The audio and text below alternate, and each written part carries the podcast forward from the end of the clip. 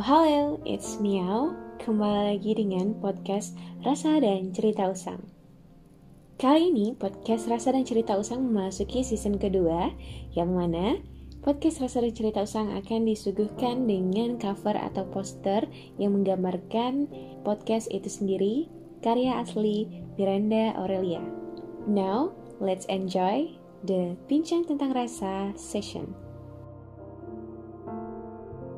Hai, apa kabar kamu? Semoga baik-baik aja ya. Aku mau tiba-tiba curhat sedikit, gak apa-apa kali ya. Sebab kamu adalah seni yang hanya aku bisa buat fiksi. Ada yang pernah bilang, sebab kau terlalu indah untuk terluka. Lalu, kenapa setelah kamu lukai berkali-kali, aku tetap indah dalam menyayangi kamu. Love makes us crazy yet stupid, isn't it? Oke, okay, aku ngaku. aku yakin, baik aku atau kamu pasti pernah bodoh dalam menyayangi seseorang.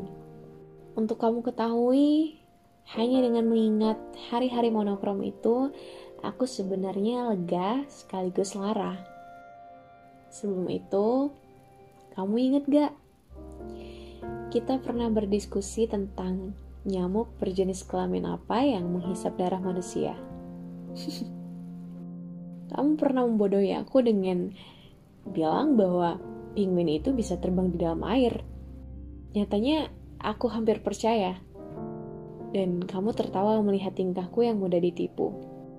Kamu pernah menceritakan aku dongeng tentang keluarga Naruto karena aku nggak bisa tidur. Siapa itu Naruto? Siapa itu Boruto? Dan dari awal episode, long story short, kamu ceritain semuanya sampai anaknya Naruto atau Boruto. Ya, walaupun aku belum ngerti tentang the whole story about Naruto's family, but it was fun. Thank you udah buat aku akhirnya bisa tertidur lelap. Kamu pernah menatap aku dengan penuh rasa sayang. Kita pernah melakukan tes kepribadian sambil menerka-nerka nih. Pekerjaan apa sih yang cocok dengan kita? It was nice. Kita pernah berbagi cita-cita. Kita pernah menertawakan hal yang sama. Kita pernah menangis untuk satu sama lain.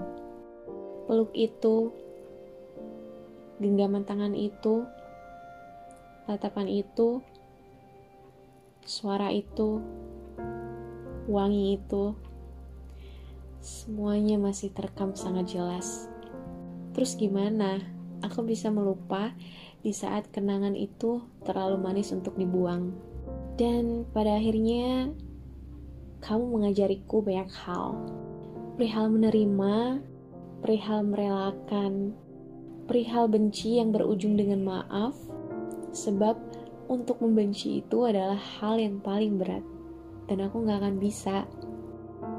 Lega, ternyata aku udah gak lagi keras kepala biar kita bisa balik lagi.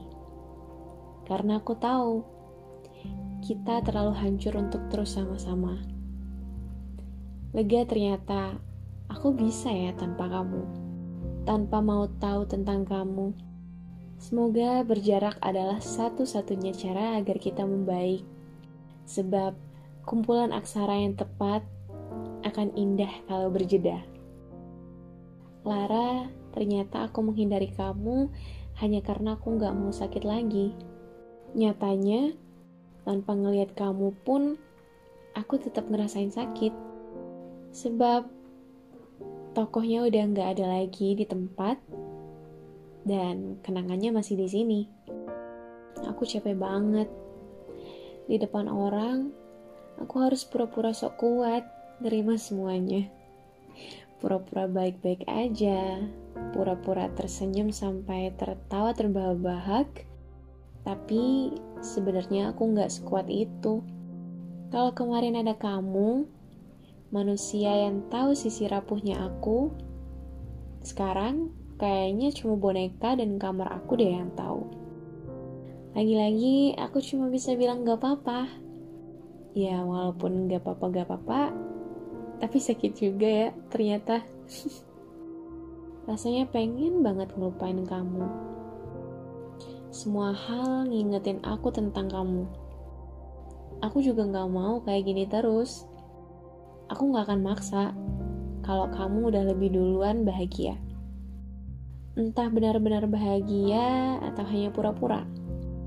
Mungkin kamu juga udah duluan pergi. Tapi aku masih di sini sibuk menghapus sisa-sisa lukisan yang udah terlanjur menjadi abstrak itu sendirian. Aku akan pergi juga kok setelah semuanya rapi.